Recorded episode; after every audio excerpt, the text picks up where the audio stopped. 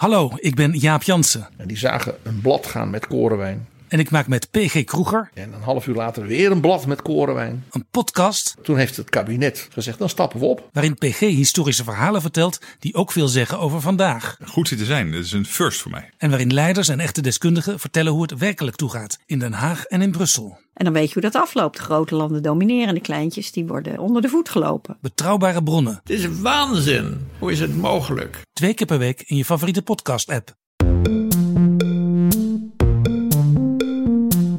Hallo daar, fijn dat je luistert naar Boeken FM, de literaire podcast van Dasmag en de Groene Amsterdammer. Wij nemen op in de studio van Dag en Nacht Media. Wil je nou nooit meer een aflevering van ons missen? Abonneer je dan nu in je eigen podcast-app en geef ons ook vooral een heleboel sterren en recensies. Dan zijn we ook zichtbaarder voor anderen die ons misschien willen luisteren. Heb je een vraag voor ons of ben je heel erg boos, vooral op Joost? Stuur dan een mail naar boekenfm.dasmag.nl. En we zijn tegenwoordig ook te vinden op Instagram, boekenfm. En, en zij, omdat ze 20e eeuw is, weet ze natuurlijk allemaal dingen. Dus ze snapt hoe medicijnen werken en Oh, je ja. bot op moet zetten en zo. Dus iedereen denkt van, oh, je bent een heks. Nou, Maar jongens, hebben jullie ook dit dat je je voorstelt dat dit jou overkomt en dat je dan ineens elektriciteit moet gaan uitleggen en dat je dat gewoon helemaal niet kunt? Dat je dan zegt van ik kom uit de 21ste eeuw. ja, maar, nee, hebben maar internet. dat is gewoon, ja, we hebben internet. Ja, oké, maak dat ja, dan. maak het maar. Ja, maar ik zou niet eens een, een, ja, een lopende band kunnen Niemand maken. zou mij ooit Nee, van nee. hekserij kunnen beschuldigen. ik heb gewoon geen idee.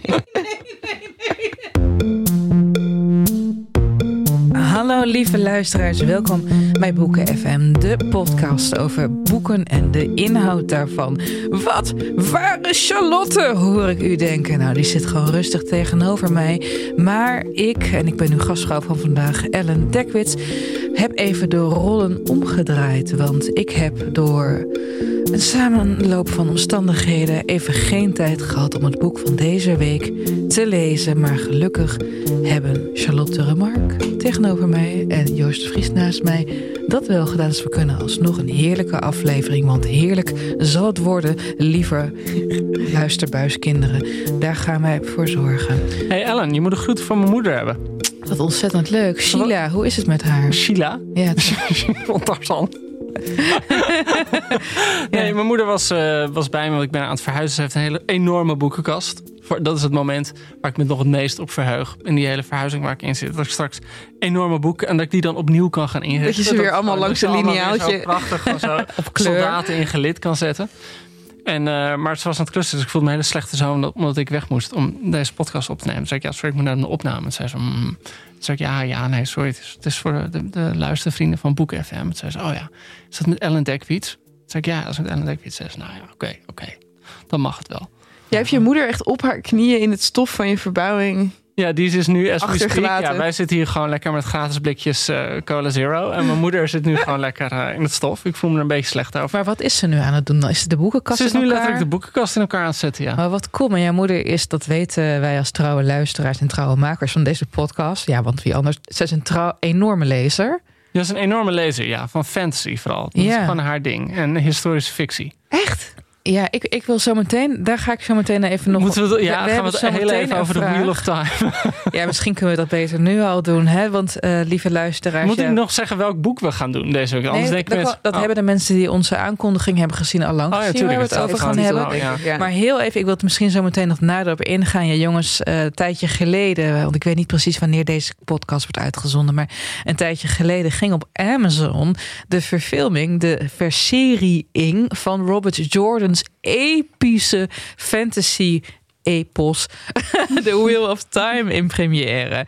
En dat is eigenlijk, ja, ik weet niet wie van jullie, ja, jij kent je fantasy wel, Joost. Lees jij eigenlijk fantasy, Charlotte? Nee, daar ben ik echt dodelijk allergisch voor. Ja, dat kan. Dat- Het is, het is love or hate. Maar dit is eigenlijk de grootste epiek sinds Lord of the Rings. Maar ze hebben heel erg als ambitie om de nieuwe Game of Thrones te worden, Ja. toch? Ja, maar dat is natuurlijk gewoon best wel veel studio's zijn nu bezig de nieuwe Game of Thrones te ontwikkelen. Want daar die- En er komt dus ook een prequel van Game of Thrones. Ja, House of the Dragon. House of the Dragon. Nou, geen idee of dat het wordt. Amazon, want eh, Jeff Bezos is een supergrote Lord of the Rings fan. Heeft echt een half miljard in een serie over Lord of the Rings gepompt. Dat wordt een soort prequel. Dat komt volgens mij volgend jaar. Oh, Dat is de duurste tv-serie ooit, wordt dat. Oh. Ik bedoel, als Jeff Bezos niet naar de ruimte vliegt, dan, maakt, dan, dan zit hij eh, eh, Tolkien te lezen. Dus dat wordt echt gigantisch. Maar wat is dit? Zeg maar, de fascisten van vroeger die bouwden dan tenminste gewoon een paleis. Nu is het Revenge of the Nerds en zijn de mensen met geld. Ja, maar het is ook Maar- natuurlijk letterlijk Revenge of the Nerds. De nerds hebben gewoon gewonnen. Die hebben gewoon het kapitalisme gewonnen. Die hebben ja, die, die dus- hebben het uitgespeeld. Dus we En wat doen nu- ze met het geld? Ja, gewoon dit soort dingen. Nou, ik moet zeggen, Joost, ik heb liever jou- The Wheel of Time dan een kasteel voor Jeff Ja. Bezos. Ja. Ja, nee, nee. Of dat hij nog een keer naar de ruimte gaat. Ja, ik heb ze zelf niet allemaal gelezen. Maar mijn broer had ze echt allemaal in huis. Die idee dat hij zeg maar van zijn... Van zijn, van zijn twaalfde tot zijn achttiende deed hij niets anders dan zeg maar fancy lezen en masturberen. En eh eh zo. Tegelijk? Of? Ja, dat weet je niet. Maar, Maar, ehm, maar, maar, maar, ook, was hij in die tijd ook een incel? Had hij ook geen keuze? nou ja, weet ik niet. Vind ik ingewikkeld. eh, als je heel veel aan als je heel jong bent. Dan ben je een volcel. Hij was gewoon een vol, volcel. Ja, of de, de oercel, ben je dan. Maar goed, dus, dus, maar ik vond het dan wel altijd fascinerend. Dus ik ging er wel soms, sommige van die boeken heb ik ook wel opgepikt. En Wheel of Time ken ik al heel lang. En nu is het echt zo'n soort van, ja, hoe moeten we het typeren? Het is niet Disney. Het is wel stoerder dan dat. Maar het is wel echt zo'n... Weet je wat het is, mensen? Ik, ik zei het voordat we deze aflevering opnamen ook al tegen jullie. Waar ik me zo aan ben gaan storen, zeker sinds de enorme successen van ehm, Game of Thrones en alle spin-offs. Dus dat zie je ook bij series als bijvoorbeeld The Witcher. Hè? Er zitten zulke eh, cliché dingen in. Dat bijvoorbeeld uit een regenachtige avond. Dat zie je in de eerste aflevering van een Game of, of, of, eh, Wheel of Time. Het regent buiten en een mysterieuze reiziger met een kap komt een kroeg binnen. Iedereen stil en in slow-mo. Dus Ja, ja, kap die beide handen naar beneden en kijkt even smoldering om zich heen. Maar het goede nieuws is, degene die dit personage speelt is Rosamund Ja, Nou, Pike. Dan mag je alles doen wat mij Ja, betreft. dan wil je gewoon kijken. Ik vind ook een hele. Kijk, ik vind, ik vind een serie. Ik, ik, ik, kijk het wel, maar ik ben niet echt onder de indruk van de dialogen en dergelijke. Maar wat een hotte cast. Holy cannoli, Joost. Wat mij, ja, oké. Ik had meteen blaasontsteking. Meteen plaatsvervangende blaasontsteking. Ja. ja, nee, nee. Wat me wel opviel. Het, kijk, Game of Thrones, het waren gewoon heel veel oude mensen. En heel veel lelijke mensen in gescheurde kleding. En in vieze modder op hun schoenen. En hier ziet iedereen er wel uit, zeg maar. Alsof, alsof Ralph Lauren net een soort van fantasy eh couture heeft ontworpen. Ralph Lauren op LSD. Ja, ja, dat is het gewoon.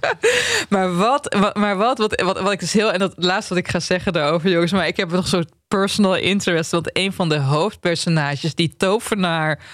Luwine of zo, de Gain, Lugain.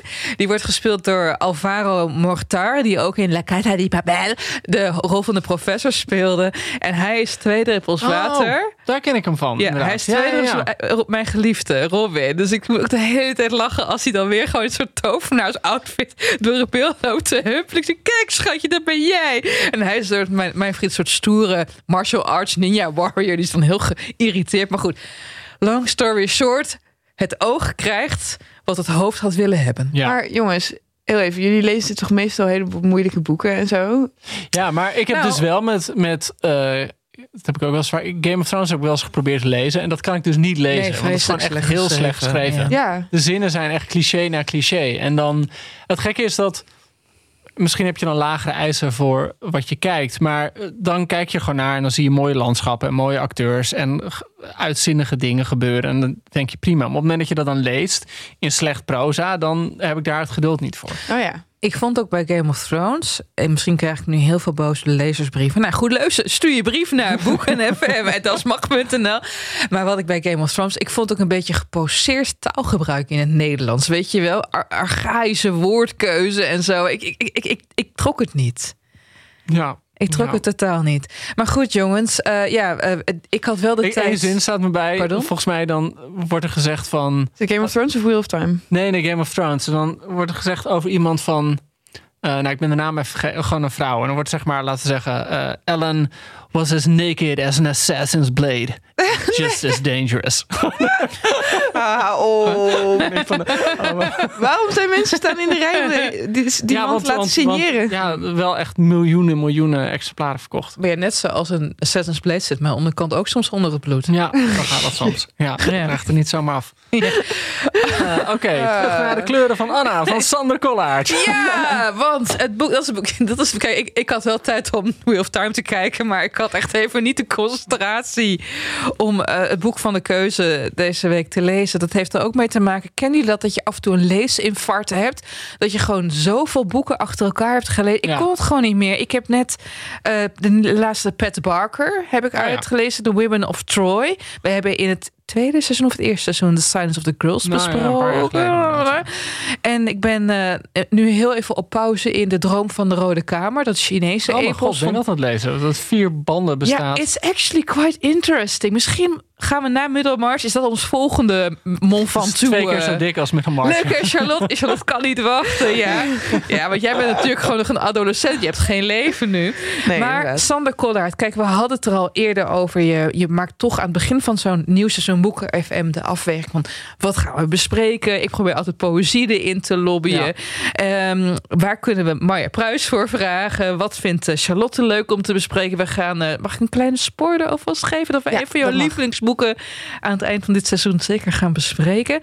En op een gegeven moment wisten we het niet meer. En dan ga je de catalogie bekijken van diverse uitgeverijen. En toen zagen wij dat er een nieuwe roman aankwam van de winnaar van de Libris Literatuurprijs 2019, Sander Kollaert. En 2020. Sorry. 2020, ja.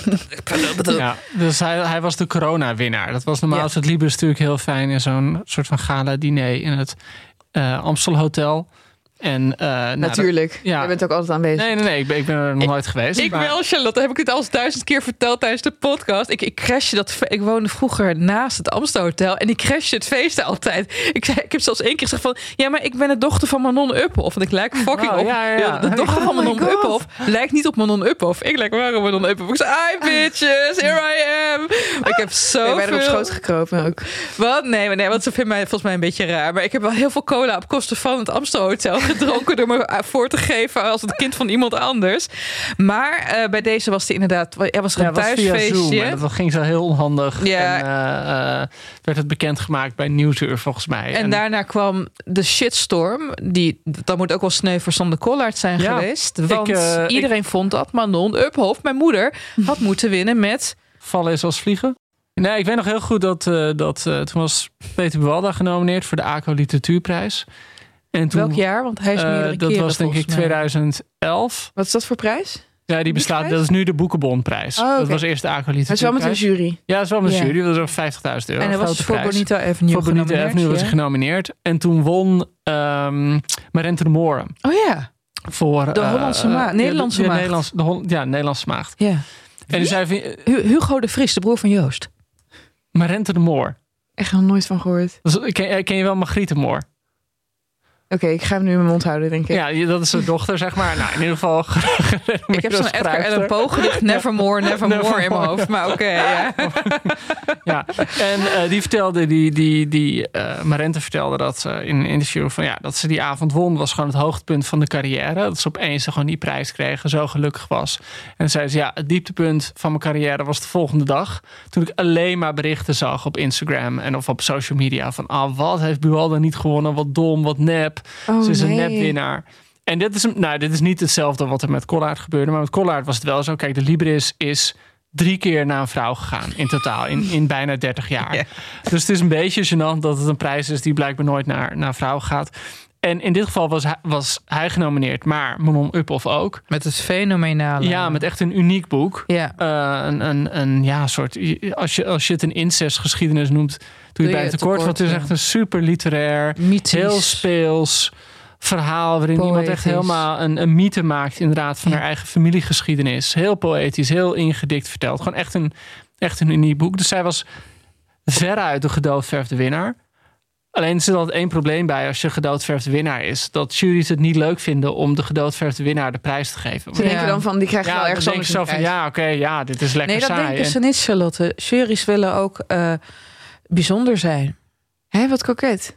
Ja, maar oh, maar oh, nee, maar sorry. Nee, dat, dus misvat ik mij dat mensen het literaire veld koket zijn. Dat kan toch niet? Ja. Ik heb Vio staan. Nee, nee, maar... dat het zo'n eerlijk beroep was. Ja, stom hè? Nee, ja. maar het is toch zo'n jury. Ja, ik moet er altijd aan denken dat toen dat, dat Harry Mulisch genomineerd was stond denken van de hemel, omdat hij toen naar Marcel Meuring ging, weet je. En dat was echt Anthony Mertens zat in de jury en die deed dat echt van ja, want de jury moet verrassen en de jury moet uh, uniek. Wat, wat ook een soort van gekke. Uh, ja, bijna geschiedsvervalsing dan. Ja, ik vind dat zo. En, en in het geval van Marente Moor denk ik dat zijn jury gewoon al, al of Marente Moor, sorry, uh, Manon Uphoff denkt zijn jury echt al. Ja, die krijgt dan al een jaar te horen van, oh, zij moet hem winnen. Ja, en dan, dan denk je als jury toch, ja, een beetje Nou, saai. het hing ook samen met het feit... Kijk, dat vind ik altijd bezwaarlijk als mensen literair critici... die een van de werken die... Ge, uh, Kijk, je ontkomt niet aan literaire critici voor een jury te vragen. Maar dit hebben we volgens mij ook al eens in een eerdere aflevering van Boeken FM besproken.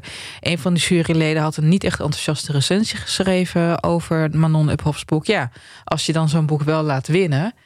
Ja. Oh, er zijn mensen die daar op zich niet vies van waren. Nee, nee, Ja, nee. nee, dat gebeurt ook ja, vaak ja. genoeg. Maar het, het gekke is ook, daar valt ik wel iets voor te zeggen, dat je misschien niet per se juryleden in, of dat je als juryleden niet per se recensenten moet, zou moeten hebben. Nee. Omdat recensenten hebben hun mening al een keer gegeven. Ja, waarom is dat eigenlijk? Ja, omdat, die, omdat- dat wel de mensen zijn die al die boeken gelezen hebben. En Dus heel dat- veel mensen willen niet in de jury als ze gevraagd worden. Heel veel mensen Ja. weigeren. Want ja, je steekt je nek uit en je kunt je de woede ja. Oh ja. van je vakbroeders en zussen op je hals Dus- halen, joh. Dus met, met Sander Kollaert, die won die prijs. Nou, op zich, grappig genoeg. ehm, een dag uit het leven van een hond heette het boek. Wij hebben, ook, we hebben toen die shortlist besproken bij Boeken FM toen de tijd. En toen waren we allemaal heel erg fan van zijn boek. En ook echt met het idee van, goh, dat zou nog wel eens een de Dark Horse zijn. kunnen zijn. Dat, dat als, als het niet Ophof wordt, dan wordt hij het waarschijnlijk. Gewoon echt zo'n gevoel van, dat is een heel optimistisch boek. En, maar goed, toen was, kwam dus wel de backlash. Dat, iedereen, of dat er heel veel mensen op social media gingen zeggen... oh ja, wel weer een man, weer een witte man. En dit, de, vrou- een vrouw wordt deze prijs nu echt ontzegd. Dus die had toen wel echt veel... Ja, en ook dat hij zich er echt een beetje voor moest verantwoorden in interviews. Ja. Hebben jullie het idee dat de Libris jury een traditionele smaak heeft? Nou, Libesjury is elk jaar nieuw. Dus de- de- er zit- er zitten geen vaste mensen in. Dus je kan niet zeggen dat de, de jury een traditie heeft op een bepaalde manier. Nee, maar als je zegt van er hebben maar drie vrouwen gewonnen ooit, Ja, nou waar ja. heeft dat dan mee te maken? Nou ja, nou, ik vind het geen. Ik bedoel, als je naar de winnaars kijkt, er zitten gewoon hele experimentele boeken bij. Het is echt niet zo dat het, dat het elk jaar een soort van de voor de hand liggende eh, well-made novels zijn. Maar ik, mij bekruipt af en toe wel het idee, zeker als je naar het juryrapport van de Libris Literatuurprijs van dit jaar, van 2021, kijkt. Jeroen Brouwers heeft hem toen Ja. heeft hem toegekend gekregen voor eh cliënt E. Buske. En de jury zegt daarin, de jury kon en wilde niet om Jeroen Brouwers heen. Wat het toch als een soort zelfverdediging lijkt van, we hebben toch weer een Nou, witte man laten. En wat Oh, bij de Libris misschien ook een beetje meespeelt, het is echt een hele grote prijs. Het is gewoon de grootste Ja, prijs in de Nederland voor een enkele roman. En dan heb je toch het idee, ik bedoel, er zijn heel veel uitzonderingen te bedenken hoor. Maar dat het stiekem ook een beetje een oeuvreprijs is. Dat denk je, ja, oké, Connie Palme, Adriaan van Dis, Jeroen Brouwers. Ik bedoel, kijk, Ja. het zijn heel veel van die grote namen, Tommy Wieriga, die krijgen hem dan gewoon ook, denk ik, omdat ze zoiets hebben van, nou, nu hebben ze die prijs verdiend. Niet, om, niet, eh, niet omdat het dan hun beste werk is, maar gewoon Nee. omdat zij een keer die prijs. Ja, omdat het gewoon bijna hoort. Oh ja. Ja, maar, ja, maar, ja. maar dat is grappig, Joost. Dat, Ja, dat, goed. dat, dat was bij de VSB-prijs. Dat is nu de grote poëzieprijs. De VSB-poëzieprijs. Het was ook meer een oeuvreprijs. De eerste die hem kreeg was volgens mij Hugo Claus... voor niet de beste bundel Ja. uit zijn oeuvre. Eh, en op een gegeven moment kreeg je de trend... dat alleen maar debuten die prijs opeens toegekend Ja. kregen. En ik verwacht dat dit zou ook wel eens nog een keer met de Libris kunnen gebeuren, hoor. En dat is ook weer als jury om jezelf ja, Ja. uniek te tonen. ja. Jij hebt hem gelezen, toch? Dag uit het leven van een hond. Eh, het heet Uit het leven van Uit het leven van Uit hond. het leven van een Oh. hond. Ja. Ja, want Charlotte, dat is het boek waarmee hij dus die Libris... Wij, Jo- Joost's mening kennen we al, die was enthousiast. hou Wat vond jij ervan? Ja, ik vond het fantastisch. En ik had heel erg, ik had, eh, heel erg tegenzin om het te gaan lezen. Omdat ik dus al van iedereen had gehoord van het is zo'n oude witte mannenboek. En het gaat ook heel erg over eh, verval en oud en wit zijn en man zijn. Heb je hem nog gelezen voor hij die prijs kreeg? Of? Eh, ja, vlak voordat hij, toen ik nog dacht van ik ga alles lezen dat genomineerd is. En toen heb ik alleen Uphoff en, en Koolhaard gelezen. Mhm. En ehm, ik vond het echt heel erg, heel erg mooi. En eh, alle recensies die het eh, beschrijven het ook als, weet ik veel, een ode aan het eh, liefde voor het kleine en weet ik wat. En dat vond ik ook allemaal gewoon waar. En Ja, nee, er niks was, aan op te merken. het, was, het was inderdaad gewoon zo'n portret van een hele normale man. Een verpleegkundige op een hele normale dag. In Ja. feite, loopt met zijn hond en hij gaat naar een verjaardag in de familie. En ontmoet een vrouw bij de bushalte. En dat is het. Een Ja, heel fijn, fijn vertelperspectief. Zo'n per- perspectief dat soms hem echt van een hele grote afstand beschrijft. Van oké, daar ligt hij op de bank. Zijn buik is aan het borrelen. Zijn hart slaat zoveel keer per minuut. Gewoon echt op zo'n soort van... En op andere momenten ging dat perspectief weer veel meer in hem.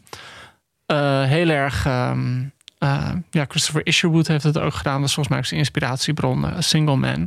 Ook gewoon zijn hele tijd dat je als het ware... Oh, ook bijna documentair naar hem kijkt af en toe. Was het een single man? eh, Ja, dat is helemaal. Ja. Ja, ja, ja. Dat is ook Dat een dag uit het leven van één man. Ja, Eh, precies op die manier. maar dit eh, personage van Sander Kollaert is echt diep en diep sympathiek. Vergeleken. Ja, nou, maar dat was volgens mij ook een van de dingen die de jury opmerkte. Dat het gewoon zo fijn was dat het naar een positief boek ging. Een boek dat echt het leven omarmt. Ja, en ik denk van dat het daar aanschurkt tegen het mierzoete aan. En daar kwam het net niet genoeg in de buurt om daar bestraffend over te spreken.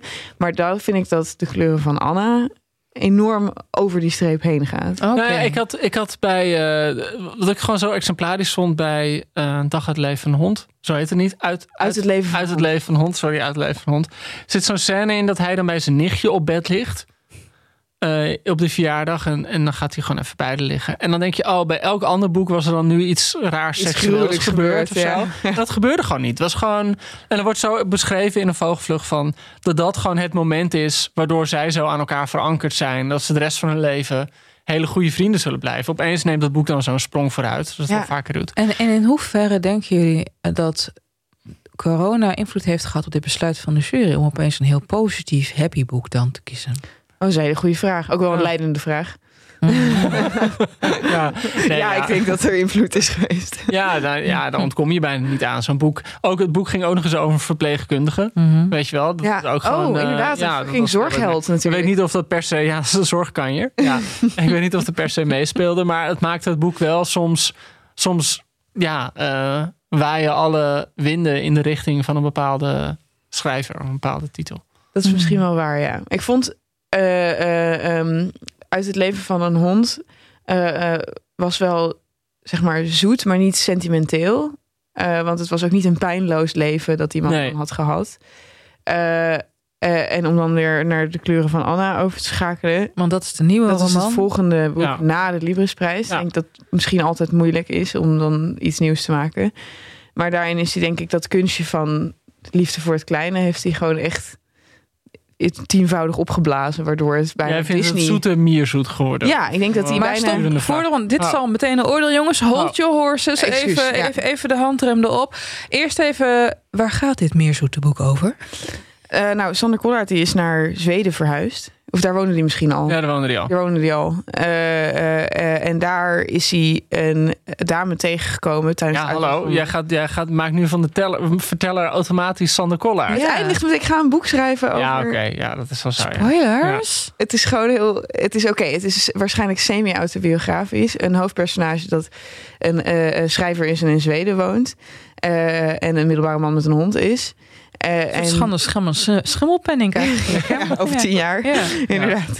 En hij eh, eh, raakt bevriend met een dame van een jaar of 72. Ja. En zij heet Anna. En zij is een super mythisch figuur eigenlijk. Ja, zo'n wijs. ja, wijs, oervrouw. wijze grijze Zweedse eh, oervrouw. Zij is heel erg één met de natuur en is altijd in het bos dingen aan het doen. Eh, en zij heeft een vluchtelingen in, bij haar thuis wonen. En hij sluit een soort van eh, hele eigenaardige vriendschap met haar. Want ze gaan dan gewoon buiten wandelen en praten over het leven. Over de boeken die ze lezen. Wacht even, over- sorry, ik, ik, er gaat even een alarmbel bij mij af. Ze heeft een vluchteling in huis.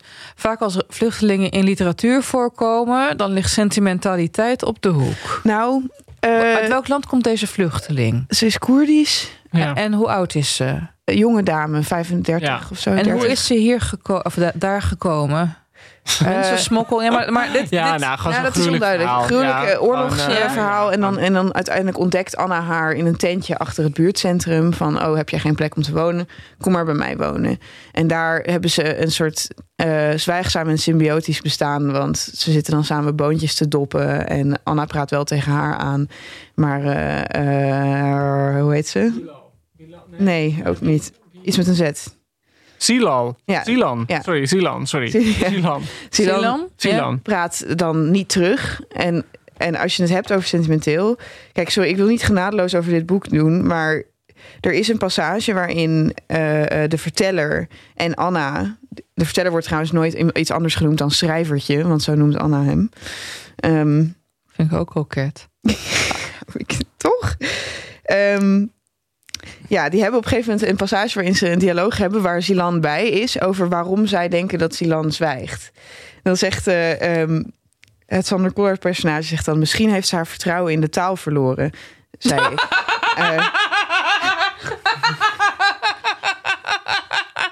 Bijvoorbeeld omdat ze te vaak een leugen heeft gehoord, een belediging, een vernedering, een onaanvaardbaar bevel of wat je nog meer kunt bedenken. Of misschien, zei Anna, is ze bang voor wat haar woorden bij ons losmaken. Misschien is ze bang dat de minste expressie tot vreedheden kan leiden. Een pak slagen of een andere man die haar te grazen neemt. De executie van een vader of een oom of een broer. Of wie weet een zoon. Syrië is geen paradijs. Misschien heeft ze dus niet de taal opgegeven, maar anderen. Punt. Ons. Punt. Nou, dit gaat nog een paar keer zo door. Ze hebben allerlei theorieën over waarom, uh, waarom Zilan niet spreekt. Hm. En inderdaad, als er dus een vluchtelingpersonage is, ligt sentimentaliteit op de loer. En het ligt niet alleen op de loer, het is gewoon aanwezig. Um, ja, je hebt soms zo'n vorm van. Christine Weitz noemde dat een keer engagementisme van het lijkt engagement, maar eigenlijk gebruik je het gewoon een beetje om je roman net iets meer een sausje te geven. Sausje? En, of, en of een sausje. Ik bedoel, het, uh, gewoon een voorbeeld is. is, ja, is, of, of om, om, sier te maken als auteur, toch? Ja, dat, is, dat, dat hoort er ook een beetje bij. Als voorbeeld was toen um, um, Europa had zo'n asielzoeker personage en die ging dan aan het personage van Ilja Leonard Vijver gewoon helemaal zo'n zijn verhaal uit het doeken doen hoe die dan die tocht had gemaakt. Uh, van, uh, vanuit uh, Syrië naar Europa. En dat was dan helemaal gebaseerd op Homerus en, en, de Odyssee. En dat maar dan op. En dat je echt denkt, ja, dit is gewoon klassicus Ilja Leonard Vijver, die gewoon zin heeft om zo'n soort van klassiek verhaal te vertellen. En dan denk van, ik, ja, over de rug van een vluchteling. Ja. Ja. Ja. ja. maar dit was dus wel vaker. Dus niet alleen rondom het personage Silan, waar ik dus echt wel problemen mee heb, omdat ze ook een beetje zeg maar de perfecte vluchteling is. Ze is uh, echt gewoon ja, dienstbaar. En, uh, ze heeft geen trauma? Uh, ze heeft wel trauma, maar dat spreekt alleen maar uit die sprekende ogen, zeg maar. Mm. En, uh, en ze is inderdaad niet moeilijk om mee om te gaan. Ze is gewoon, hm. ze zit daar boontjes te doppen en, en heel eerbiedig met Anna om te gaan. Weet ik wat. Gereduceerd, maar ze is dus eigenlijk gereduceerd tot een voorbeeldig slachtoffer. Absoluut. De prinses uit het sprookje. Ja, ja okay. nee, inderdaad. Ze was geketend en nu is ze ontketend. Of zo. Mm. Nou ja. En, en datzelfde engagementisme, dat zie je ook een beetje bij ja, een beetje een soort van borrelpraat die er af en toe in zit. Over Trump, over corona. Uh, kan je een voorbeeld geven? Nou, over corona zegt hij op een gegeven moment... en dit hoor je gewoon iemand op een feestje zeggen... um, en al die tijd ging het virus rond, onzichtbaar... maar desondanks in staat om alle aandacht op te eisen. Het kwam mij meer en meer voor alsof we in de greep kwamen van een nieuwe god... Onze aandacht werd een vorm van aanbidding, onze quarantaine een eredienst, onze angst een bewijs van geloof. Wat een sukkel. Oké, okay, maar wie zegt dit? Dat zegt de verteller. We putten moed uit de komst van een vaccin. We zagen hoe de 90-jarige Margaret Keenan uit Coventry op 8 december 2020 als eerste ter wereld werd ingeënt. Ze droeg een mooie blauwe trui waarop een pinguïn te zien was met een kerstmuts en sjaal, omringd door sneeuwvlokken zo groot als tennisballen. Maar de winter kwam en leek eindeloos. Het virus muteerde, het vaccineren verliep traag en maatregelen werden aangescherpt. We probeerden dapper te zijn, maar voelden ons zwak. Soms voelden we iets donkers en duisters. Vaak voelden we ons erg moe. En, ergens. Nou ja, ja ik bedoel, ik, bedoel, ik, ik, ik, ga zo meteen ja. ook wel echt positieve dingen over het boek zeggen. Maar dat is een beetje het moeilijke. Je voelt gewoon met dit boek. Het is Hij gewoon geschreven. iets wat we allemaal hebben meegemaakt. Dat is, hè? dat, dat, nog en dat- steeds aan het meemaken Maar dat is ook Ja. wel grappig. En, en ook een van de moeilijke dingen van, denk ik, over corona schrijven. Want je ziet het nu meer dingen doen. Dat wat er over te zeggen valt, eh, of wat er tenminste vooral gezegd wordt, hebben we allemaal gewoon meegemaakt. Het is een, een redelijk monotone ervaring geweest voor iedereen. En dan kan je schrijven over de onlusten of de rellen. Maar ja, die waren ook gewoon redelijk één op één. Het is best moeilijk om daar dat in een boek te verwerken en iets te zeggen waarvan je niet als lezer denkt van ja, oké, dit, dit staat in elke column die ik de afgelopen jaar gelezen heb. Ja, maar dan vraag ik me dus wel af, want dit vroeg ik me heel erg af bij deze passage van, stel dat iemand dit over eh 40 jaar leest, is het dan zoals Ja. oorlogsboeken voor ons nu wel interessant zijn? Eh, dan is het misschien nieuws voor je dat iemand live op televisie Ja. is gevaccineerd. En denk je van wauw, wat een tijdsbeeld of zo. Ja, dat vind ik wel fascinerend. Want je, maar je schrijft denk ik niet met een lezer van over 40 jaar in gedachten. Dat gevoel had ik dus hierbij wel heel erg. Dat Sander Kollaert en nu een probeert een soort monument aan 2020 of 21 2021. Dus eigenlijk vind jij, had hij dit boek in zo'n satelliet moeten stoppen. Die Ja. dan gewoon zo in de, de ruimte gaat en Precies. over 100 jaar weer terugkomt. Zodat we de aliens over corona Ja, wat, kunnen wat, leren. wat, gewoon wie heeft dat gedaan? Margaret eh, Atwood, volgens mij nog een paar schrijvers. Die hebben een roman geschreven die dan pas over 100 jaar uit een blik gehaald mag worden uit de grond. Oh ja? Dat je echt denkt, ja, oké dan. Dat iedereen het dan openmaakt en denkt: wat, wat is dit? Wat, wat is dit voor dun gek papier met, met tekst erop? Wat, wat, wat willen, moeten we daarmee? Eh, dan is papier bestaat dan al tegen die Ja, tijd helemaal niet nee. meer aan de Nee, is allemaal- Allemaal Ja. Amazon doos. Ja, is karton. Dankjewel, Jeff Messel. Ja. Maar Nee, goed, eh, ik moet even, want we zijn, nu, we zijn nu best wel actief aan het haten. Maar wa- wat is het plot überhaupt van deze? Dus iemand gaat in Ja. Zweden dat wonen, YOLO. Nou, komt een het- het- het oude begin- dame tegen en een vluchteling. Anna. Nou, en het begint er gewoon mee dat eh, hij, leert, hij beschrijft gewoon eerste hoofdstuk een beetje hoe Anna leert kennen. En ook meteen dat ze sterft. Ze, wordt, ze is al ziek en ze sterft. En Aan corona. Ja, het, Nee. het wordt niet zo expliciet benoemd, toch? Ze hoest en dan zegt hij van, oh je bent toch niet ziek hè? Nee, dan zegt ze valt wel mee en dan Dan kort daarna is ze overleden. Ja. Maar goed, dat, dat ho- hoesten kan natuurlijk alles Het zijn. is net zoiets als van, wie, wie, wiens laatste, wat waren Caligula's laatste woorden na 3000 keer te zijn neergestoken. Hij zei: Ik leef nog. Ja, ja. Goed, ga En, door. ehm, eh, en eigenlijk in het boek daarna gaat die, eh, het schrijvertje gaat heel veel wandelingen maken. Hetzelfde soort wandelingen als zij maakt. Hij probeert ook haar wandelingen door het bos te reconstrueren. En daar verdwaalt hij de hele tijd bij. En ondertussen is hij geobsedeerd met kleuren. Dus eh, nou ja, de primaire kleuren komen allemaal voorbij. Elk hoofdstuk heeft een kleur als thema. En dan gaat hij heel uitgebreid schrijven over alle culturele associaties die we hebben met die kleuren. Ik vond dat wel echt een interessant gegeven. Eh, eh, dus hij begint bijvoorbeeld met de kleur rood. En dan schrijft hij over woede, over lust, eh, over schilderijen met heel veel rood erin. En, en hoe hij dan een keer een interactie heeft met een schilderij waarbij hij zijn ogen niet van de kleur rood kan afhouden en zo. Dus het is wel, dat is wel mooi. Is dat interessant gedaan? Eh, beha- ja, behalve dat het dus net niet eigenzinnig genoeg is. Want het deed me denken aan Bluets. Ja. Eh, van Maggie van Nelson, Maggie Nelson. ja. Maar het bijzondere aan Bluets eh is natuurlijk dat Bluets gaat gewoon over depressie. En door het over die kleur te hebben, is er een manier om niet over depressie te praten. Dus je praat er helemaal omheen. En die kleur wordt een soort van metafoor. Waardoor eigenlijk al die uitweidingen over wat de kleur blauw betekent. Elke keer weer terugleiden naar depressie. Dus het is een heel mooie manier van een soort omcirkeling van het thema. en hier En hier heeft het dat niet Nee, helemaal het heeft niet echt een doel. Het was meer, het, het kwam op mij over als een manier om losse observaties te ordenen. Eh, eh, en het kwam ook op mij over alsof er niet echt een obsessie was. Want jij noemde het net een obsessie met kleuren. Ja, dat is eigenlijk een groot woord. Het, hij, gaat, hij wandelt Hij een beetje frivol door drie Ja. observaties over de kleur rood. Ja, en dat, en dan gaat, krijg je een uitweiding over, over het, Ja, hij over voelt het bedrijf zoveel. Histor en zo. En dat ja, ja, Ja. ja, en het lijkt wel, kijk, hij heeft dan, ik vind eigenlijk de momenten die hij beschrijft dat hij voor een schilderij staat en daar echt iets bij voelt, vond ik nog het allersterkst. Want dan zie je de verteller ook als iemand die meer voelt dan alleen een soort doodgemodereerde kalmte. Want dat is verder wat er in het boek de hele tijd Ja, is. het is best kalm of zo. Dus Ja. dit, ik bedoel, Anna was, ja, was een goede vriendin van hem. eh, een soort van, maar ook wel een soort gekke vriendin op afstand. Omdat het natuurlijk zo'n leeftijdsverschil was. Op een gegeven moment zitten ze letterlijk op afstand, want laten we het niet vergeten, er was corona. Ja, COVID, de corona. En ehm, dus, dus het is ook, het is niet een weergave van een soort van bodemloos verdriet of een enorm rouwproces. Nee, en dus ook niet van zijn, van zijn geest. En dat hij nou, dat hij heeft, oké, hij beweert dan op een gegeven moment van, ik heb van Anna in kleuren leren denken of in Ja. haar kleuren le- leren kijken. En dat heeft zij in hem losgemaakt. En wat er dan, en die, maar de, hoe die over kleuren schrijft, is er echt een soort lijst Wikipedia-feitjes van, nou, wist je dat die en die een blauwe jurk droeg? En wist je dat die en die schilder van eh, een groene steen dit en dat Ja. pigment heeft gemaakt? Ja, ik ben het wel eens wat je net zei. Het, het voelt heel erg aan alsof die kleuren gewoon een manier waren gedachten te ordenen. En, Ja. en allemaal dingen eh, bij elkaar te smijten. En eigenlijk, als ik eerlijk ben, ook voelde het voor mij.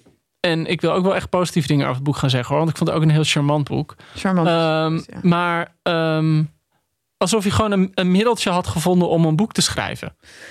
Zo- een middeltje. Een truc. Het voelt echt als een mal om dingen in te Eh, het, was, het voelde voor mij een beetje als een mal aan. En ook Het om- klinkt hatelijker dan ik het bedoel hoor. Maar Ja, want laten we even stoppen met haten kinderen. Of, Ja, ja, eh, wat vonden wij charmant? Ik, vond, Nou, ik vind eh, charmant vind ik echt een dood. voor mij begint, begint het boek meteen heel mooi. Op een hele mooie manier. Die Anna, die, tenminste dat is een soort verhaal waar ik heel erg van hou.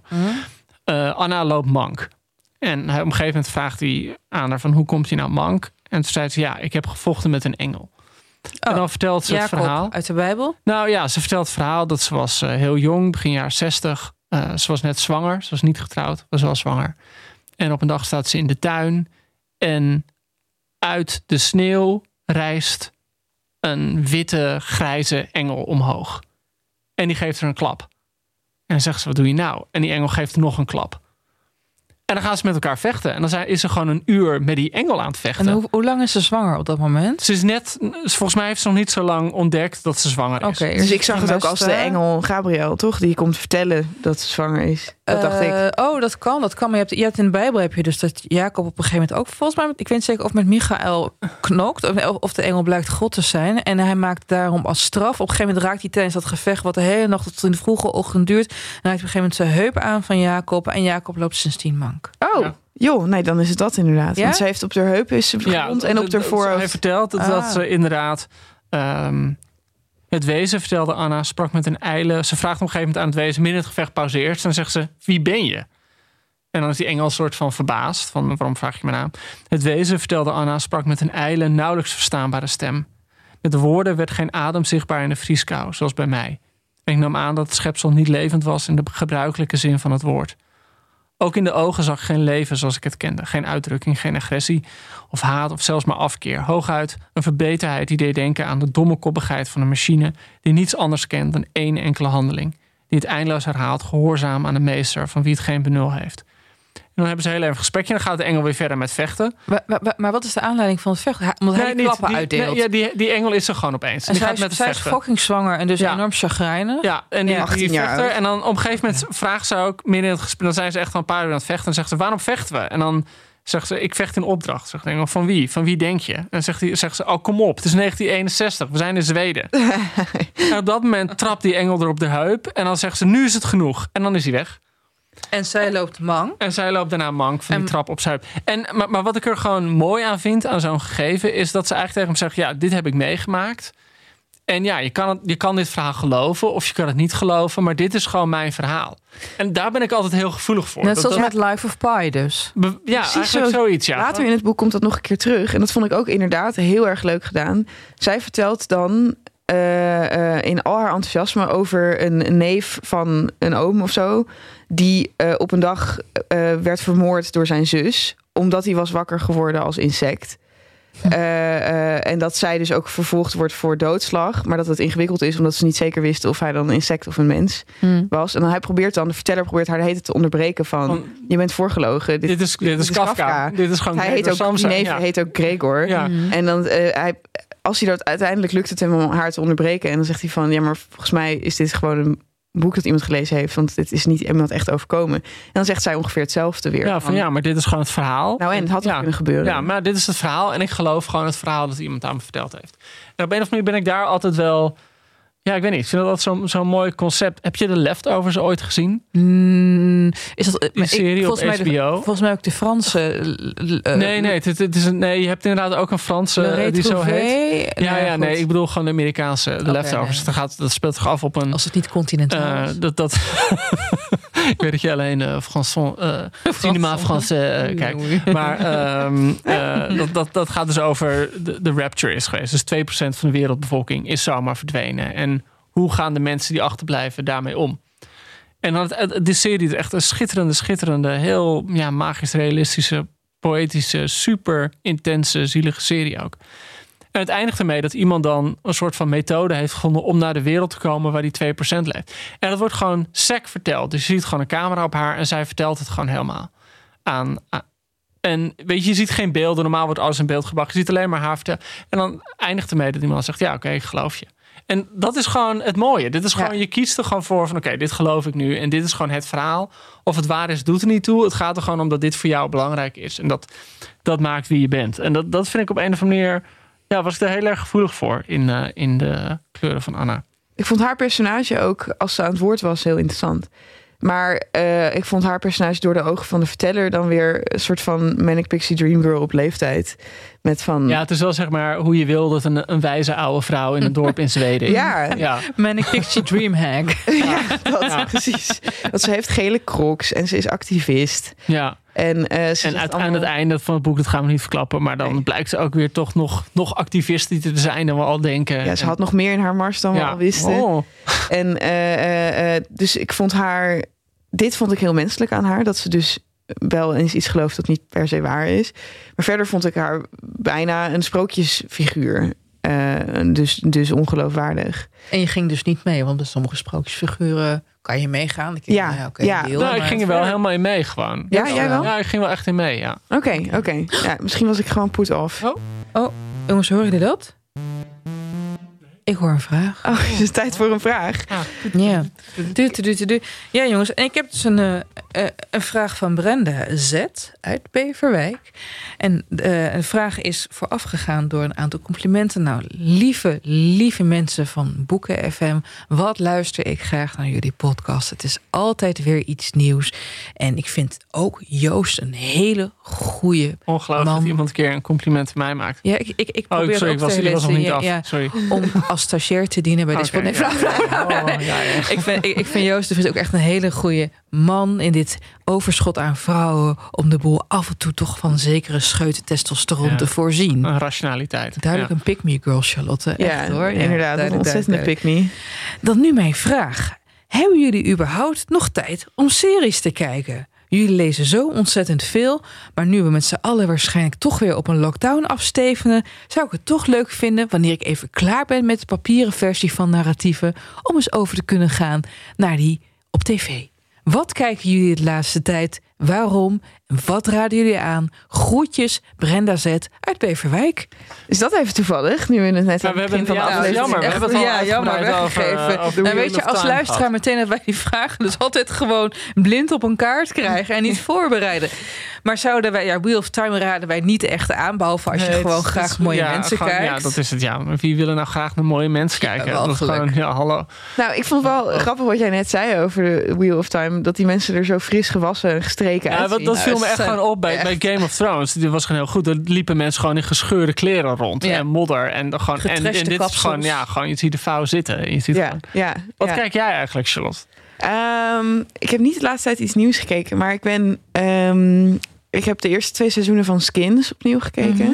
Hebben jullie dat gezien? Nee. Dat was ook echt. eh Britse na, jongeren na serie? jullie tijd, ja, precies. Maar ook voor mijn tijd, gek genoeg. Dus kun je nagaan. Ja. Ehm, maar dat, eh, dat is inderdaad een eh, Britse jongerenserie uit 2006 of 7 Ja, of zo.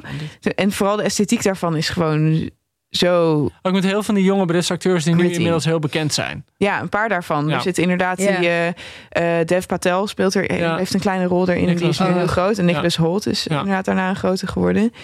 Maar dit was, eh, en het is, die serie is daarna steeds kutter geworden hoor. Maar de eerste twee seizoenen vond ik echt heel erg goed en heel briljant. Omdat het zijn echt hele jonge acteurs. En eh, vaak bij series die zich op de middelbare school afspelen, dan hebben mensen echt gewoon een kale plek en gebotoxed hoofd en zo. Ja, ik ging laatst ging ik dus even de eh, leeftijd van de acteurs in eh, sex education Nou, opzoeken. Ja, iedereen is Ja, 28. Ja, nou, er zijn echt allemaal. Er zitten gewoon twee bij die zijn 30. Ja. Weet je wel, Ja. zijn, voor de rest zijn ze allemaal 27, 28, 29. Dat is echt zo. En, eh, en weet ik veel, eh, Pretty Little Liars, Gossip Girl, eh, Riverdale, al die zeg maar trash-series voor tieners. Daarin worden tieners door mensen van 25 plus ja, maar het punt is, die series zijn natuurlijk niet alleen voor tieners. Die zijn er ook voor twintigers en dertigers. Want die kijken dat ook heel graag. Mijn Maar theorie is dat ze wegkomen met veel meer seksscènes als ze niet Ja, als- echt uitzien als tieners. Als tieners, ja. Want dan zou iedereen er heel ongemakkelijk Ja, van ja, ja, worden. Maar jongens, even terug naar de vraag van Brenda. Wat Oh ja. kijken we nu? Dus jij, Charlotte, kijkt nu Skins. Skins. Joost, wat Ik kijk zit jij nu? heel diep, maar daar zit ik altijd in, in Succession. Oh ja, dat is gewoon een van damn. de beste series de laatste tien jaar. Er is een nieuw seizoen. En het nieuwe seizoen is nu bezig. Is het goed? En ja, het is gewoon ongelooflijk goed. Het gaat over een soort Rupert Murdoch-achtige Ja. mediafamilie, de 1% van de 1%. Eh, en de, de vader is gewoon zo'n zo'n oude schot die echt alles heeft meegemaakt. Een enorme klootzak. En het komt eigenlijk, hij begint gewoon oud en ziek te worden. En hij moet eigenlijk een van zijn kinderen aanwijzen om hem op te volgen. En dat kan hij gewoon niet. Want eigenlijk haat hij gewoon zijn kinderen. Omdat die kinderen, zeg maar, hij, hij heeft zich van niets heeft zich opgebouwd. En die kinderen leven gewoon in de wereld die hij heeft gebouwd. Dus eigenlijk verwijt hij zijn kinderen dat het zijn kinderen zijn.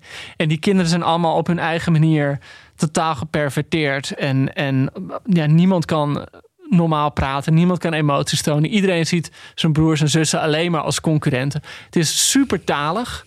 Dus het is heel verbaal. Iedereen beleegt elkaar op de grappigste manieren. Ehm, ja, het, is helemaal. Nou, jij liet de naam Bourdieu een paar keer vallen. Het is helemaal Bourdieu. Het gaat helemaal echt over hoe de rijkste mensen alsnog een soort van klassenonderscheid tussen mm. elkaar kunnen maken. Ehm, ja, dat is echt een serie. Elke maandagavond kan ik het, kan ik het zien. En daar zit ik dan echt zo helemaal zo klaar voor. Hoeveel is er al? Is het nog er zijn twee seizoenen zijn er. Ja, er zijn twee seizoenen van tien afleveringen oh. geweest. En uh, zitten nu in het derde seizoen. Oké. Dat, valt nog mee. Maar het is echt geweldig gefilmd. Geweldige acteurs. Ja, succes. Je, je, hebt in de vorige seizoen ook inderdaad dat je ook zelfs die DVD-boxen aan mensen cadeau doet. cadeau gedaan, ja. Oké, nou, top. En jij dan, Elle? Oh, leuk dat je het oh, vraagt, Elle. Dankjewel, zoveel belangstelling. Nou, kijk, ik ben nu bezig met het nieuwe seizoen van The Great. Hebben jullie daarvan gehoord? Oh, ik heb het eerste seizoen gekeken. Oh man, het tweede seizoen is duizend keer beter nog dan het eerste seizoen. Lieve luisteraar, de premisse van The Great is... It's an occasionally true history. En het gaat over de jaren waarin Catharina de Grote van Rusland in opkomst was. Nou, voor degene die het niet weten, Catharina de Grote, Duitse prinses, trouwde met de opvolger van het Russische Rijk, de Tsarevich Peter. En op het moment van trouwen was zijn oud-tante Elisabetta, geloof ik, nog helemaal in charge. En langzaam maar zeker krijgt zij een beetje de overhand, die Catharina. Maar omdat dit is meer een het is meer de Blackadder-versie, dat het true history is. En die Peter wordt gespeeld door Nicholas Holt. Ja. Frans oh, kind. Briljante rol. Hij kan alleen maar, hij vindt zichzelf fantastisch. En toch is hij echt heel ontwapenend. En hij is extreem stupide en, gelijk, gewelddadig tegelijkertijd. En hij heeft een enorme crush op Catharina. Dus op een gegeven moment, als zij hem dus afzet met behulp van het leger, dan wil hij best wel daarin meegaan. Als ze maar nog vaak seks hebben. Het is echt ontzettend grappig. En Catharina wordt dus door Elle Fanning gespeeld, op wie ik echt oh, hallo. best wel hard ga. Ja. Maar je gaat op iedereen hard, nou, Joost. nee, alleen soms. Als ik het zeg. Nee, maar. Uh, nee, nee, nee, gewoon, zij is gewoon zo. Zij is dus ook zo'n actrice die nog steeds als middelbare scholier door kan gaan. Maar op een of andere manier voldoet zij voor mij heel erg aan zo'n soort van oerbeeld van het soort meisje waar je dan verliefd op was toen je 14 was. En Girl Next Door. Begreep. Nee, niet Girl Next Door. Gewoon. Maar Elle Fanning is ook niet zo oud. Ze is 25 of zo. Ja, zoiets. Ja, twee jaar ouder dan jij, Charlotte. Maar goed, ja. even... ja. Uh, ja, nee, ik heb het eerste seizoen gezien. En ik ga het tweede seizoen ook zeker Het is echt... Het, het, is, het is beter. Het heeft een 100% rating gekregen op Rotten Tomatoes. Ja. Het, is, het is echt heel grappig. De kostuums zijn om te smullen. Maar vooral die onderlinge... Die verstandhoudingen. Die kleine koude oorlogen. Ja, wat ik de in, in het eerste... Voltaire zitten in. Ja, Voltaire die, die krijgt zijn cadeau voor de verjaardag. Ja, want zij is heel slim. Ja. Dus, Hier is Voltaire, dus is heel belezen. Dus dan haalt hij voor haar op de verjaardag Voltaire naar, naar Frankrijk. Waar ik ook heel erg om moet lachen is dat die, die tsaar natuurlijk mag doen wat hij wil. Dus gewoon de potentaat. En die gaat dus met alle vrouwen naar bed waar hij zin heeft. En hij gaat dus de hele tijd met de vrouw van zijn beste vriend naar bed. En die beste vriend moet daar dan gewoon zo zeggen van ja, oké. Dat is gewoon waar die andere... het is gewoon heel verdrietig. Gewoon heel, zielig. Steeds dat huilen in een hoekje. ja. ja, maar het is echt heel grappig. Maar het is ook best wel best wel hard. Want je weet dat aan het einde van seizoen 1 verdwijnt haar minnaar. Dat is ook grappig. Die, die, Peter die geeft haar dan een, een, een, een, een gecastreerde, of nee, een gesteriliseerde man cadeau. Die super, of iemand van wie bewezen dat hij onvruchtbaar is. Dan kan je lekker met hem seks hebben tussendoor. maar het is wel veilig voor de succession. En dan aan het begin van seizoen tweede kom je echt meteen achter, is hij dus onthoofd. En dan staat ze aan het einde van de eerste aflevering jankend met zijn afgehakte hoofd in de oh. armen. Dus het is, het is, het is acquired taste. En verder jongens, ja, Setting Sunset. Ik ben oh weer bezig met nieuwe oh afleveringen. ja, hallo. Niet over Christine Quinn. I love Christine Quinn. En uh, Midnight Mass heb ik ook van genoten. En mijn vriend is nu Outlander aan het kijken. Wow. Wat eigenlijk gewoon... Wow, ken je nu Outlander? Ken je uit ik Outlander? Ken het, nee, ik heb niet nee, nee. Ja, dat is dus... Dat is trouwens ook op een heel... Of een bestselling boekenreeks gebaseerd van... Ik geloof Diana... Niet Gebelden, maar Ik kijk even jou aan. Ja, Jou. ik weet het nee, niet. je moeder zou dit weten. Ja, mijn moeder heeft het vast gelezen. Het is Ja, heel maar goed, die zit Die woeste zit- arbeid ja, te verrichten. moet opschieten. Ik moet gewoon wordt verven zo meteen. So- Sophie die staat met een zweep over die moeder heen te gaan van werken. Maar nog heel veel ouderen. Ik vind de premisse uiterst charmant. Een, eh, een, een nurse die heeft meegeholpen in de Ja, net na de Tweede Wereldoorlog. Net na de Tweede Wereldoorlog. Die komt, eh, gaat met haar man op huwelijksreis in Schotland. En dan raakt ze een steen aan. En die steen is een soort tijdmachine. En die transporteert haar naar het Schotland van de 18e eeuw. En zij zo van... What the fuck? En dan blijkt dat de verre voorvader van haar echtgenoot in de 20e eeuw daar rondloopt. Maar daar eh, twee druppels water maar een serieverkrachter is. En een pederast. En Ja, noem het ja. maar op. En ze ontmoet daar een hele knappe, super gespierde Schotse edelman. En het is een fucking sexy serie. Ja, er is heel veel seks in Hij de wordt door Sam Klak... weet niet.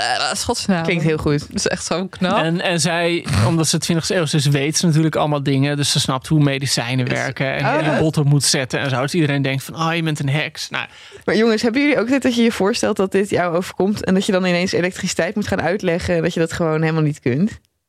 Dat je dan zegt van ik kom uit de 21ste eeuw. ja, maar, nee, maar, hebben maar internet. dat is gewoon, ja, we hebben internet. Ja, oké, dat- maak dat ja, dan. maak het maar. Ja, maar ik zou niet eens een, een, ja, een lopende band kunnen Niemand maken. zou mij ooit Nee, van nee. hekserij kunnen beschuldigen. ik heb gewoon geen idee. Maar oké, nu komen we echt op een zijspoor. Ja, maar ik ben een keer op een site terechtgekomen. Eh, eh, en die site... Sorry, luisteraar, we zijn, het is vrijdagmiddag. En eh, die site verzamelt beelden van mensen... waarvan ze denken dat het tijdreizigers zijn. Oh ja! Dan heb je dus gewoon allemaal foto's van mensen in 1920... en waarvan het lijkt alsof ze met mobieltjes gewoon zo aan het bellen zijn. Ja, of dat ze een horloge om Of dat ze hebben. een loge om hebben en, en ehm, eh, ja, van dat soort gekke dingen. Of echt wandtekeningen van een prehistorisch mens met een magnetron. Ja, gewoon dat soort dingen. Ja, en, en heel veel dingen maar zo'n met... mammoet past toch helemaal niet?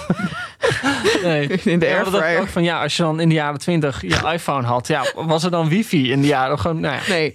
Er is toch niks aan? Oké, jongens. Oké, maar ja, Hey. ik wilde nog één ding Oh. aan jullie vragen over Oh, Collard. Oké. Oh ja, ik wilde ook nog Collard doen. We gaan ik terug wilde naar het het buitenboekje doen. Kunnen, we- want we hebben ja. te weinig buitenboekjes gedaan. Oh ja, inderdaad. Nu het Wat buitenboekje, bam, bam, bam. Wat is jullie favoriete kleur? Ha.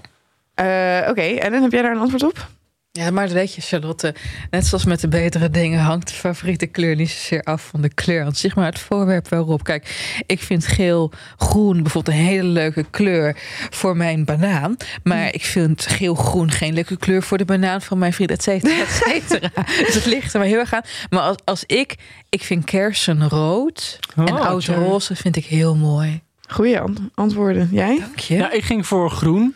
Dus al- vind ik nog gek genoeg. Ik zal nooit groene kleren dragen. Ik vind dat heel raar. Nou, maar toevallig hebben altijd- Charlotte en ik allebei Oh. vandaag een groene trui Ja, nee, jullie komen eh, geweldig. Ja. Ehm, waarover Sander Collard trouwens schrijft dat het menselijk oog meer tinten groen kan onderscheiden dan welke andere kleur ook. En dat heeft een evolutionaire achtergrond.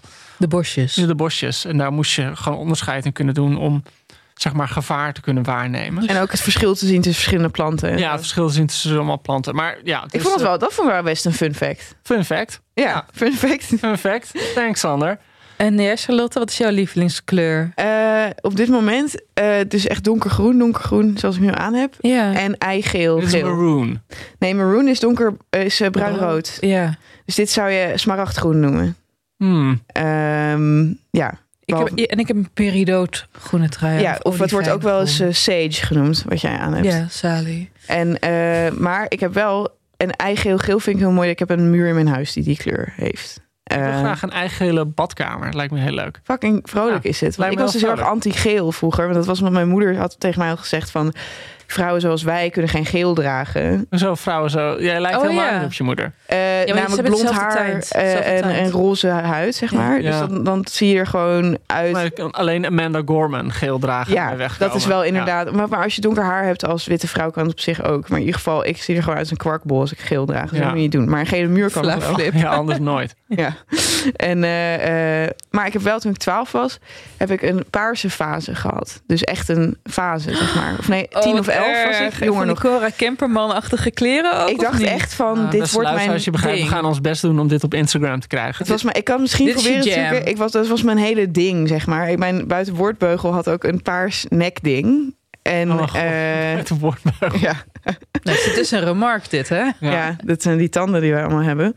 En eh, al, ik had dan altijd paarse kleren aan. En mijn moeder had zelfs een paarse streep in mijn haar geverfd. Oh mijn god. En ik had van die afgeknipte handschoentjes, Oh ook mijn god. paars. Je klinkt als Psylocke van X-Men. Ja, oh ja, inderdaad. nou, ik vond dat echt heel hard van mezelf. Eh, eh, 2008 was dit. Oké, nou. Dus wat hadden jullie toen eh, aan? 2008? Ja, gewoon. Oh ja, ik, ik, Ditzelfde waarschijnlijk. Ja, dat ze zeggen dat wat je aan hebt op je 25ste, dat is dat je de rest van je leven zal dragen. oh, is dat, dat zo? je default kleding is. Oh, dan moet ik wel even opschieten om iets leuks te Even ontwikkelen. kijken, Ja, jezus, wat het- droeg jij? Het niet. Ik droeg alleen maar, ja, ik, ik droeg, ik droeg strakke rokjes. Oh ja? En- ja, en ik had wel decolleteetjes, ja. Ach, Ik moet was wel gaan een geil doen. wijf hoor, op mijn 25ste. maar toen bestond de fotografie nog niet, dus er zijn geen beelden van. Belangrijk. Jongens, we moeten echt terug naar Joost, wat jij op je 25ste? Ja, wel Was jij lekker wijf je 25ste, Joost? Maar, eh, Hij was een soort eh, discount Marieke Lucas op de 25ste. nee, nee. Het, eh, het woord melkmuil is wel eens gevallen. Melkmuil, als zoet. Ik vind dat heel En, eh, schattig. Net als diegene die jou een ehm bleke guy had genoemd. Bleek, ik ik was wel een bleke guy. Ik ben nog steeds wel een beetje een bleke guy. Doe ik niks aan. Jongens, Sander Kollaert. Een cijfer. Oh, gaan we al naar cijfer? Nou, eerst even een eindoordeel. Oh, ik ga jullie resumeren en kun je nog eventjes invloed uitoefenen op het beeld dat jullie nu in de podcast hebben geschetst Ja, over maar- de kleuren van Anna. Zodat ik het samenvatten, Joost. Ja, ja, vat jij vat Ik jij samen? over jou, Joost. Jullie eh, vinden het op zich charmant. Ja, charmant. Er zitten alleen wel personages in die zo plat zijn als een dubbeltje. Ja. En jullie vinden af en toe enorm open deuren. Jullie vinden dat gekoketteerd wordt met vluchtelingenleed. En de, hey, er was trouwens corona. Vinden jullie echt mansplain to the max. Joost, wat wil jij zeggen? Nou ja, een beetje dat. Dankjewel, Alleen, Charlotte. Zo fijn dat je altijd... Nou, ik had nog één vraag eigenlijk voordat we dan naar het cijfer gaan. Is van, eh, eh, eh, voordat we de microfoon aanzetten, toen had jij het over het, het wat is het, post-libris syndroom of zoiets? Nee, daar had Ellen het over. Of Maar Ellen had inderdaad, daarover. Het gekke is... Is dat echt je- iets? Je kan je... Dit, voor mij voelt dit boek aan. En eh, ik wil dus echt niet zo negatief zijn. Want ik, ik heb het gewoon echt met gewoon interesse gelezen en precies gelezen. Het voelt aan als een boek dat een beetje ge- geschreven is uit gewoonte. Ja. Zo van, het was corona, dus ik ga een boek... Ik zit in mijn eentje in Zweden, dus dit is dan het boek dat je schrijft of zo. En het voelde... Kijk, bij, bij eh, Uit het leven van een hond...